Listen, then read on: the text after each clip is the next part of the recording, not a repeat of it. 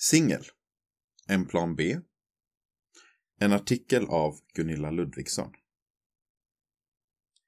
I vår tid ses singelskap lätt som en plan B. Något som egentligen inte är bra nog. Varför är det så egentligen? Och hur ser Bibeln på singelskap? Kan det till och med innebära bra saker att vara singel? Jag känner mig bara som en ynka halva som singel. Får jag bara träffa min blivande man kommer jag att bli en hel människa.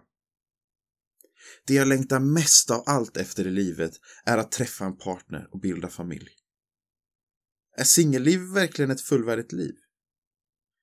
Jag känner mig så ensam som singel. Så här kan det låta från olika singlar i olika åldrar, män som kvinnor. Ofta är tonen negativ, uppgiven, skamfylld, bitter eller besviken. Varför har det blivit på detta sätt? Varför räknas singelliv som mer negativt eller mer som en B-plan än att vara gift och bilda familj? För visst är det så det både känns och märks. Inte minst i våra kyrkor och församlingar. Våra känslor av ensamhet, uppgivenhet, besvikelse, men också av längtan får ha sin plats i våra liv.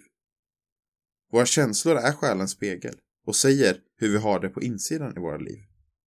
Men känslorna får inte ha sista ordet. Inte heller får andra människors förväntningar, eller kanske även krav, ha sista ordet. Jesus först. Vad säger egentligen Bibeln om dessa frågor och känslouttryck som en singel kan uppleva? För det första säger Bibeln att vi är hela som människor när vi är i Kristus. Oavsett om vi har en romantisk relation eller inte. Detta kan vi läsa om i Kolosserbrevet 2, 10. Och i honom är ni uppfyllda. Ordet uppfylld är detsamma som hel i grundtexten. Med andra ord säger Bibeln att vi är hela som människor. Alltså är jag som singel ingen halva. För det andra, Guds främsta syfte för människan är inte äktenskap eller familj, utan att vi ska bli Kristuslika. Detta kan vi läsa om i Romarbrevet 8.29.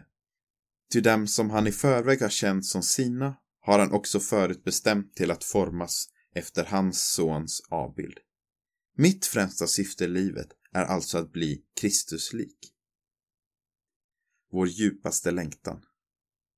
Så oavsett vad våra känslor säger, eller vad andra människor säger, tänker eller tycker, får vi låta sanningen, Guds ord, vara rättesnöret i våra liv. Vi får givetvis lov att längta efter en partner.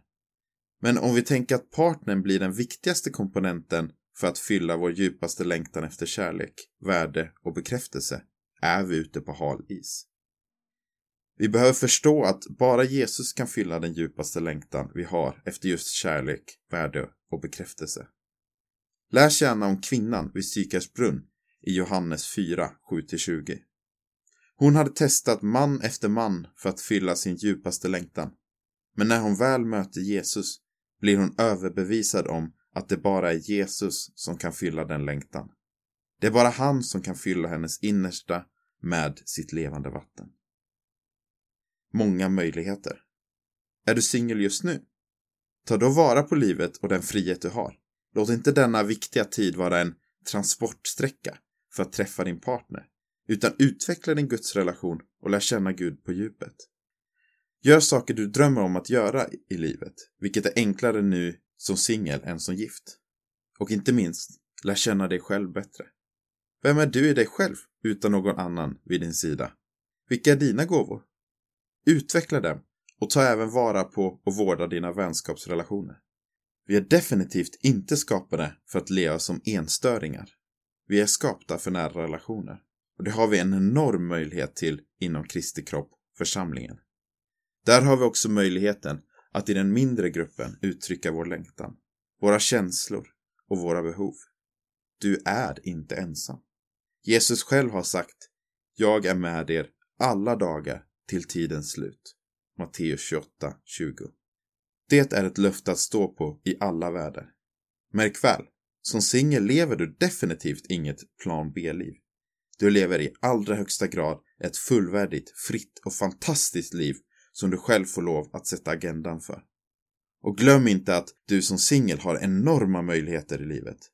För att bara nämna några hyfsat berömda singlar genom tiderna finns Moder Teresa, Paulus och inte minst Jesus, vilka inte var beroende av en äkta hälft för att fullgöra sin livsuppgift, utan levde i den kraft Gud gav dem. Allt förmår jag i honom som ger mig kraft. Filipperbrevet 4.12. Låt det också bli din verklighet.